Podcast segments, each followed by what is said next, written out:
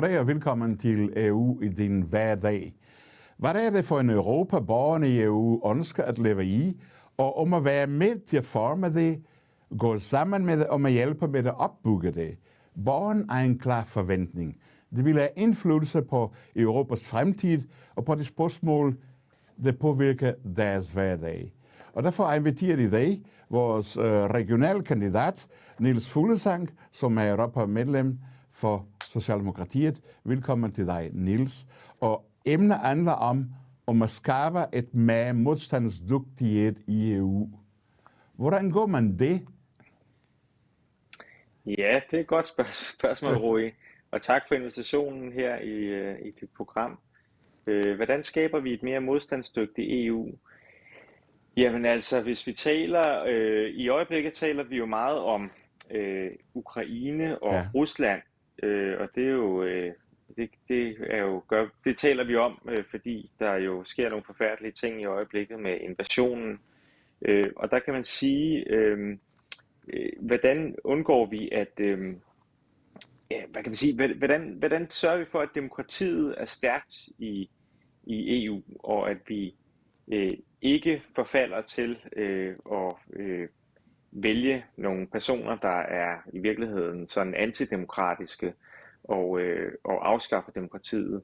Sådan som man ser i andre øh, dele af verden, sådan som vi for eksempel har set i Rusland. Nu ved vi alle sammen, at Putin er en diktator og ikke er demokrat. Men vi, hvis vi tænker nogle år tilbage, så troede man jo faktisk, at Rusland var ved at gå i en demokratisk retning og var ved at blive et demokrati. Øh, og sådan gik det desværre ikke. Øh, jeg tror, øh, for at vi kan være, for at demokratiet kan være modstandsdygtigt i, i EU, øh, så er der jo nogle ting, der skal være på plads. Øh, for eksempel skal vi have en debat med hinanden. Øh, vi skal have nogle frie medier. Øh, og det tror jeg for eksempel sådan et program som, som det her, og de program, du laver, øh, hvor man får debatteret, hvor skal vi hen øh, sådan politisk, hvad, øh, hvad vil vi gerne prioritere, hvad er argumenterne for og imod, det tror jeg er noget af det, der kan gøre vores demokrati øh, modstandsdygtigt. Øh, det, er jo, det har man jo desværre ikke i Rusland i dag, og i diktaturstater har man jo ikke sådan en fri presse, øh, men det er noget af det, der er allermest vigtigt. Øh, derfor synes jeg også, at vi i EU skal sørge for at stille som krav til alle de medlemslande, vi har, at man skal altså have øh, respektere den frie presse, fordi det er sådan grundlaget for demokratiet, og det er noget af det, der gør demokratiet modstandsdygtigt, tror jeg. Ja, men altså, vi kan godt se i øjeblikket, du nævnte Ukraine og det hele. Vi kan godt, jeg kan godt sige, at øh, Europas energibehov er Putins bedste våben, ikke? Uh, og så videre og så fort. Ikke? Og det, det viser alt, at man skal ikke være afhængig af et land for, for energiforsyning. Altså, du ved ikke. Så kommer vi i den situation. Og som så mange andre ting, som korn og dit eller dat. I går har jeg læst, at England gik øh, af med tomater. Der var ikke nogen tomater, for der kom ikke flere fra Ukraine og så videre og så fort. Altså, det er lige det. Vi skal lige lave os stærk nok til at være afhængige af disse ting rundt omkring. Mm, ja, helt sikkert. Altså, der taler vi jo om øh, ja, vores energiimport fra, fra Rusland. Vi er alt for afhængige af Rusland, og øh, det ja. er et af, synes jeg, de store spørgsmål, hvordan vi kunne være så dumme at tillade, at vi blev så ja. afhængige ja. af Rusland. Og som du siger, Rui, så er det jo både energi, men det er også, ja, for eksempel nu korn. Øh, det er jo især fra Ukraine, der faktisk ja. er vores ja. korn øh, lager, eller vores kornproducent i, i Europa. Øh, og det har vi så svært ved at få adgang til nu. Men det er også en masse af de her metaller, som vi bruger i, ja, for eksempel når vi laver batterier, lithiumbatterier. Ja. Øh, lithium, det har vi i høj grad fra, øh, fra Rusland. Øh, der, er en, der er en debat i øjeblikket om atomkraft, om man skal have atomkraft eller ej. Øh, jeg synes, man skal passe på med det, men hvis man gerne vil have atomkraft, øh, så må man også sige, uran, det får vi også fra Rusland. Ja. Øh, og der er en masse sjældne metaller, som, som øh, Rusland har rigtig meget af. Så vi er meget afhængige af Rusland, og jeg synes, det har været en stor fejl, at vi har gjort os så afhængige af Rusland, for øh, vi må øh, sørge for at få vores energi nogle andre steder fra. Og også de ressourcer, det er heldigvis ikke kun Rusland, der har de her ressourcer. Øh, men jeg tror, at den kommende tid, for at være modstandsdygtig i forhold til dit indledende spørgsmål, der skal vi virkelig sørge for at lave nogle alliancer med nogle andre lande, øh, og ikke kun være afhængige af et land, men sådan sprede vores import ud, øh, og så i, i høj grad også blive selvforsynende, alle de steder, hvor vi kan blive selvforsynende, for eksempel på energiområdet, der kan vi jo lave mere vedvarende energi og energieffektivisere, så vi bliver selvforsynende i højere grad, end hvad der er tilfældet i dag. Ja, men altså, jeg synes, at en af de elementerne til at gå unionen med modstandsdygtig over for krisen, det er at inddrage borgerne i udformningen af EU-politiske tiltag og ambitionen. Det er lige meget om det er økonomisk eller sundhedsmæssigt og sådan nogle ting. Det er bare involvere dem med, for så har vi en god platform at tage udgangspunkt. Ja, øh, det tror jeg også, du har ret i. Øhm, og faktisk i øjeblikket, der er der jo sådan et projekt, der hedder Konferencen om Europas fremtid. Ja. Øhm, det lyder sådan lidt, øh, lidt løftigt, øh, men det, og det er det måske også, men, men det er i virkeligheden en masse borgermøder, øh, hvor man kan være med øh, og til at diskutere, hvad er det for nogle øh, politikker, vi skal have i EU, hvad skal vi lave om i EU, er, er EU godt nok, øh, sådan som det fungerer i dag, eller er der nogle ting, vi skal lave om, også i traktaten øh, for EU? Og det er jo en måde at forsøge at involvere borgerne på. Øh, det synes jeg egentlig, jeg har været til, øh, til et møde i, i, i den her konference til, for Europas fremtid, og det synes jeg egentlig er, er udmærket. Sådan nogle initiativer synes jeg er gode. Et, et andet ting, som jeg vil nævne, som jeg synes EU gør rigtigt, der er også mange ting, EU gør forkert, desværre, men, men sådan, sådan er det jo nok øh, altid. Men en ting, som jeg synes har været udmærket i forhold til det med borgerinddragelse, som du siger, det er det her borgerinitiativ, som EU har lanceret. Faktisk siden 2009 har man haft det. Det betyder, at en million mennesker, hvis de går sammen og skriver under på en sag, de vil have bragt op, øh, så skal Europakommissionen tage det op. Øh, det er jo mange mennesker, en million, men der er jo ja, over 450 millioner mennesker i hele EU. Øh, så der er nogle eksempler på øh, sager, der er blevet taget op, som jeg også tror, øh, borgerne engagerer sig i, når, når de, det er jo sådan nogle borgerinitiativer. Det er for eksempel øh, den her sag, den her gamle sag om dyretransporter. Vi vil have nogle ja. der er mange borgere, der vil have kortere dyretransporter. Øh, det har der været over en million mennesker, der har skrevet under på, og der har også været en række andre sager. Det tror jeg også er en måde ligesom at engagere øh, borgerne i, i EU. Det, det tror jeg, vi skal have mere af. Ja, altså det er klart. Det var at engagere borgerne, er det nogen, som relaterer til deres hverdag. Så jeg synes faktisk, man skulle skabe et forum for en åben, gennemsigtig, struktureret og bredt fagnet debat med europæerne om deres spørgsmål, om deres hverdag. Det synes jeg, at være vejen at gå. Gå lidt med, end man har gået indtil nu. Jeg kender godt fra disse initiativer, du, du snakker om, men jeg synes, vi skal inddrage med borgerne, med og med og med, fordi så er vi en virkelig stabil platform. Ja, men er det ikke i virkeligheden også det, du, øh, du gør med dit program her, Rui? Ja, vi drager, men det er kun lidt. Jeg beslutter ikke noget, du ved ikke, desværre. desværre. Men, Nej, men, vi må alle sammen bidrage lidt, det er rigtigt. Ja, ja, vi må alle bidrage, men, men ud fra politisk side, så skal det være med, og med, og med, og med, så borger bliver med inddraget, ikke? Så man ikke står altid så dit eller dat. Og så må man også jo. på nationalplan tage øjne for, at faktisk mange EU og mange gode loven i dag, som faktisk bestemmer mere end det nationale lov. Så er det. Men der er altid stadigvæk en myte om, at når jeg er vi selv i og der og dit eller dat, altså, du ved, altså, hvornår ja. går op for folk, at EU faktisk på mange områder går en udmærket arbejde i forhold til det. Altså, men det, det er de normale presse, mainstream presse, ikke så meget interesseret at, at fortælle, faktisk. Det synes jeg er irriterende, du ved, ikke? Så, så... Det, har du, det har du ret i, synes jeg. Altså, øh, jeg synes, at, at mainstream-pressen, den fokuserer alt for lidt på, I, på EU, det må ja, jeg det sige. Det. Ja. Øh, det er selvfølgelig, jeg sidder jo også selv i Europaparlamentet, så jeg har jo også en interesse i, at de interesserer sig mere for det. Øh, så jeg er jo ikke helt neutral i den sag, men jeg vil stadigvæk sige, at det er altså ret få øh, journalister, der er i, øh, i Bruxelles. Meget få sammenlignet med, hvor mange der dækker Folketinget.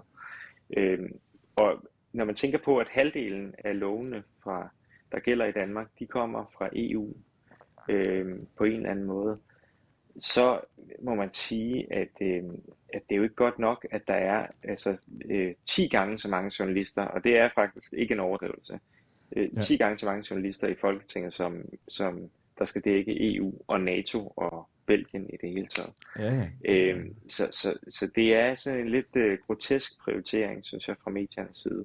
Så jeg er glad for, når der er nogle programmer, der bliver lavet øh, med, med fokus på det her. Jeg har så selv tænkt, ja, vi, jo, vi jo som politikere, og som jeg er også selv øh, aktiv på sociale medier. Altså ja. det kan være Facebook eller Twitter. Og nogle gange så tænker jeg, at det er, jo, det er jo også en måde at inddrage folk på. For der kan man faktisk komme i dialog med, med folk, hvis, hvis øh, man går ind og øh, ja, følger mig eller følger nogle af mine kollegaer på Facebook. Øh, så, øh, så, kan man, så skriver jeg nogle ting, og så er der nogen, der svarer, og så har man en dialog om tingene. Ikke? Men øh, nogle gange har jeg også tænkt på, at Facebook er jo, øh, altså de der algoritmer, øh, ja.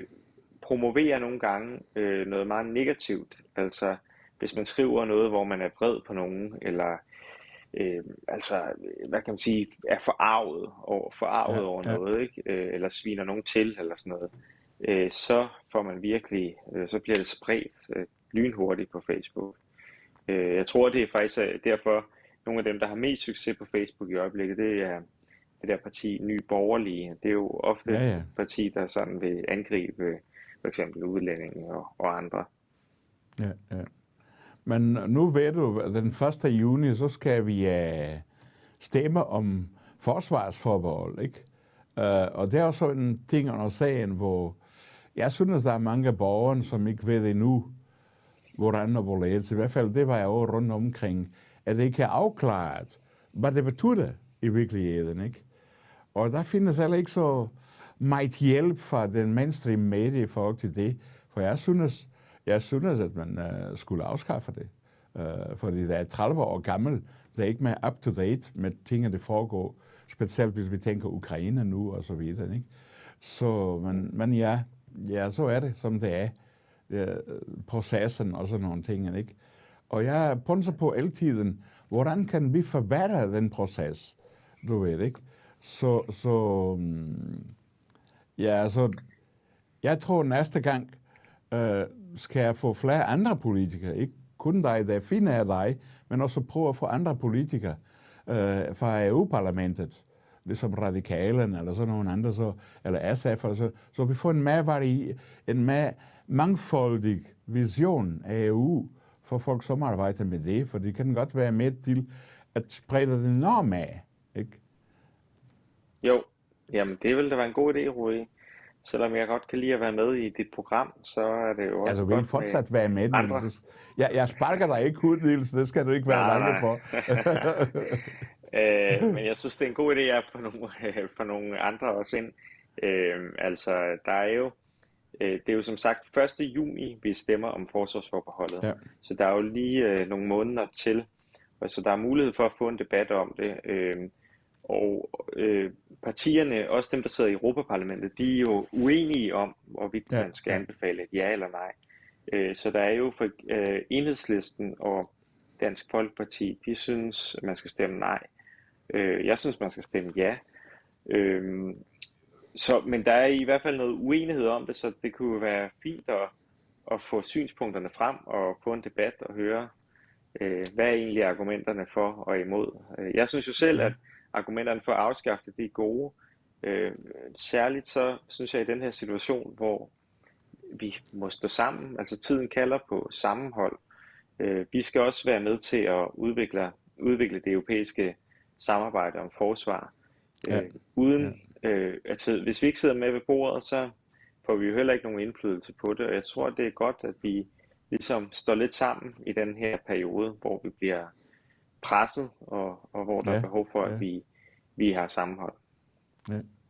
Men uh, hvis vi tænker på den anden, ikke var nu den uh, forsvarsforbehold, så, så hvor, hvor er det, du kunne se, at borgerne kunne blive med inddraget?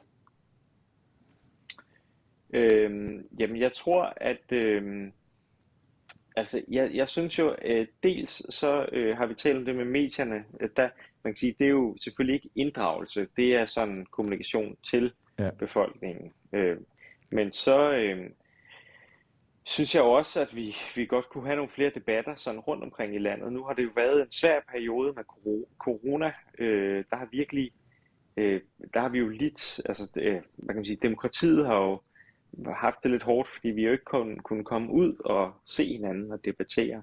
Men jeg håber her, at efter corona, og jeg håber faktisk, at forsvarsforbeholdet kan være sådan en kickstart til det, at vi får taget en masse debatter. Jeg, øh, jeg tænker selv, at øh, jeg vil prøve at se, om der er nogle gymnasier og nogle fagforeninger og andre. Øh, alle er velkomne. Hvis man ser det her program, så kan man bare skrive til mig i hvert fald. Men jeg vil prøve at række ud til nogle, også gymnasier, øh, af min plan, og høre, jamen kunne vi ikke komme ud og, øh, og debattere og prøve at inddrage folk, øh, de unge mennesker for eksempel, i øh, argumenterne for og imod forsvarsforbeholdet. Prøve at debattere, hvad skal vi stemme? Og der, der tror jeg altså, det er godt også at øh, have både en, der går ind for at afskaffe forbeholdet, og en, der går med ind for at, at beholde forsvarsforbeholdet. Øh, så det er min egen plan, at jeg vil prøve at se, om nu her efter corona, jeg kan komme ud i i Østjylland og Midtjylland øh, og debattere de her ting. Ja, ja, altså vi har selv øh, sugt om øh, Europanævne, om støtte til det forsvarsforbehold, og der er en program med en for og en imod, og så er vi to eksperter inden for Københavns Universitet og inden for Aarhus Universitet. Så det giver helt præcis mening om tingene. For vi har ikke brug for disse forvirring, som mange gange opstår på social medier. Vi har brug for at få præcis viden om disse ting så folk rigtig kan træffe en ordentlig beslutning. Så lad os ja. nu se, hvad det kommer. Men altså, vi går det, hvad vi kan, i hvert fald. Ja. Men, men uh, ja, der er mange ting, som, som jeg, jeg ved det ikke, altså, nu skal vi ikke tage os af med det, for det er, som de er, og det lader aldrig at være anderledes. Ikke? Det kan vi godt se i disse diskussioner i Aarhus angående Avn udvidelsen. Ja, de andre var der, men det er der for de berømte eller andet minut. Vi var der altid at dokumentere, hvad det foregår, og, folk, og borgernes mening. Og der er folk rigtig meget glade for det. Så, så det er det, der er forskel mellem os, som jeg kalder community TV, og så nogen public service TV'en. At de laver disse ting, så... så hvad kalder du, hvad kalder du jer? Com- community? community TV, ja. På ja. engelsk, ja. Okay. Vi er ikke kommersielt ja. Regional TV, men, men jeg kalder det bare community TV. For det er det, det afspejler i forhold til de borgerne, de folk, som bliver involveret og så videre og så fort. Ikke? Så, ja. så, um, ja, uh, så medierne er, som det er. Lad os nu sige det. Det bliver ikke bedre, tror jeg ikke på. Uh, for det skal Nej, lave måske profit. bliver det endda værre. Ja, men måske de skal lave profit, og det tager det Vi er frit af profit, ikke? som sådan. Så der er ikke nogen interesse. Det eneste interesse, vi er, er det oplyse borgerne. Er at få dem klædt på, eller få til at tænke over den og den situation. Altså, jeg prøver altid at undgå, hvad min egen mening er, for det er ikke relevant, når jeg laver et program, hvad for en mening jeg er. Relevant, at jeg kan beluse situationen, så borgerne kan træffe en selvstændig beslutning. Det er det, der er interessant. Det er ikke, hvad jeg mener. Jeg er totalt irrelevant i den sammenhæng, hvad jeg mener. Ikke? Så, så ja, men, men der er stadigvæk mange ting, som jeg ikke ved, hvordan og hvorledes vi kunne bidrage noget stærkere til at involvere øh, borgerne. Måske, altså vi har en nu tiltag, som ikke er færdige endnu. For eksempel er vi ved at lave klar en mobil radiostudio. Okay? Det er en gammel bus. Ja. Det er næsten en veteranbus. En mercedes som er på værksted lige nu. Og når den er færdig, så kan jeg godt forestille mig, at vi skal gå ud på landet selvfølgelig i Østjylland, og laver radioprogrammer og interviewer folk og dit eller dat, de går med sundliggåelsen, ikke? De går med debat, også EU over EU. For der synes det er relevant, og den bus er meget sjov i sin form, og en meget speciel model, ikke? Så man siger, ups, du ved ikke. Så, så jeg forsøger mange ting på, hvordan får vi skabt med opmærksomhed omkring disse emner, disse ting og serien, ikke? Så, så den andre er, at vi er for eksempel nu en af øh, øh mine kolleger, som er uddannet statskundskaber fra Aarhus Universitet, som laver alt mulige debatter Ikke kun med eksperter og folk fra universitet, vi får flere faktisk. For de ved godt, hvordan man skal skrive til dem. Ikke? På den måde, at de, de tager det. Og så laver hun også meget med almindelige borgere, for de interesserer sig for det. Så vi er faktisk i en god fase, hvor vi er virkelig meget aktive til at involvere så mange borgerne og give så mange oplysninger og kendskab rundt omkring. Ikke? Men selvfølgelig er det begrænset, hvad man kan lave øh, ind i vores rammen, for det er en lille rammen. Ikke? Så, men inden for det, hvad vi er, så laver vi faktisk utrolig meget, synes jeg. Ja, øh, jamen det, øh, det ved jeg, I gør, Rui. Det tror jeg da også, øh, det er jo virkelig noget af det, der er godt for, ja, for demokratiet og debatten, at, øh, at der bliver lavet noget, noget, noget oplysning, og, og at de kommer ud. Jeg synes, det lyder som en god idé med den bus, I har gang i. Øh, og øh, jeg tror, øh, i de her dage, når jeg sagde, at det bliver måske ikke bedre med medierne, øh, måske bliver det værre, så mener jeg, øh, alt det her fake news og ja, ja. Øh, altså manipulation, som vi ser. Øh, vi har faktisk en debat lige i øjeblikket, øh, fordi EU har truffet beslutning om at ulovliggøre nogle russiske medier. Øh, Sputnik og Russia Today hedder det. Ja. Øh, og, og der er en debat omkring, øh, er det nu i orden, at EU censurerer de her medier? Og jeg synes, der kan være argumenter for, for og imod, men jeg synes faktisk, det er i orden, fordi det er totalt øh, propaganda. Det er styret, det er ikke frie medier, det er styret af Putin, og øh, han har jo bestemt, øh, at de ikke må bruge ordet krig om det, der foregår ja. i Ukraine, og de må ikke bruge ordet invasion. Det skal sige, at det er en special, militær specialoperation. Og, øh, og så handler det om, at øh, man laver den, den, den her specialoperation, fordi man gerne vil afnazificere øh, ja. Ukraine, fordi øh, Ukraine ifølge øh, de her medier bliver styret af nazister. Ja. Øh, og det er jo fuldstændig langt ude. Så i det omfang, der synes jeg faktisk, det er okay, at man øh, altså faktisk siger, at det vil vi ikke have, den form for fake news i, i Europa. Øh, men det, er, øh, det bliver meget debatteret i øjeblikket. Jo, det er rigtigt med fake news, men altså, ja, det var jeg synes, det er underligt i den sammenhæng. Det er, at hver EU-land er faktisk uh, media literacy. Der er alle defineret en lov om media literacy, men jeg ser det ikke anvender dem konkret. Så det er et stort problem efter min mening, at man har loven, men man ikke anvender det. Ikke? Mm. For det media literacy er det store behov for, hvis vi skal undgå fake news. Ikke? Ja, jamen det tror jeg, det, det er nok rigtigt nok. I hvert fald så, og det har vi nok behov for noget mere af, øh, altså ikke fake news, men, men noget modstandskraft over fake news. øh, vi har jo set, hvordan, altså nu øh, skal vi jo ikke mange år tilbage, før at Rusland, de også øh, via fake news forsøgte at påvirke vores valghandlinger i Europa. Altså for eksempel øh, Brexit-afstemningen. Ja. Der er det jo blevet bevist, at Rusland de kom med alle mulige falske informationer, som de spyttede ind i debatten via øh, medier og via øh, sociale medier, falske profiler, øh, der kom med alle mulige øh, øh holdninger om, hvor forfærdeligt EU øh, er, var. Det samme i den amerikanske præsidentvalg, dengang Trump blev valgt. Der er det jo også dokumenteret, at øh, ja, Rusland de øh, simpelthen plantede historier, der skulle skade Hillary Clinton. Øh, så det er alvorligt, og jeg tror, at det vi diskuterer her i dag med modstandsdygtighed, det er nok blevet mere relevant end nogensinde, når man har fremmede magter, der på den måde øh, forsøger at nedbryde demokratiet øh, ja. ved, ved at skabe fake news. Men øh, hvis vi skal tage det lidt fremad, så, så hvilken emne er der det nærmeste tid, som er relevant, øh, som I debatterer inde i EU? Øh, jeg synes noget af det mest relevante, altså der er mange øh, emner, ikke? Men, men, men noget af det, der virkelig kom på dagsordenen med Ukraine, som jo har været på dagsordenen lang tid, men som har fået sådan en ekstra skub nu her, det er energispørgsmålet, som du også selv var inde på.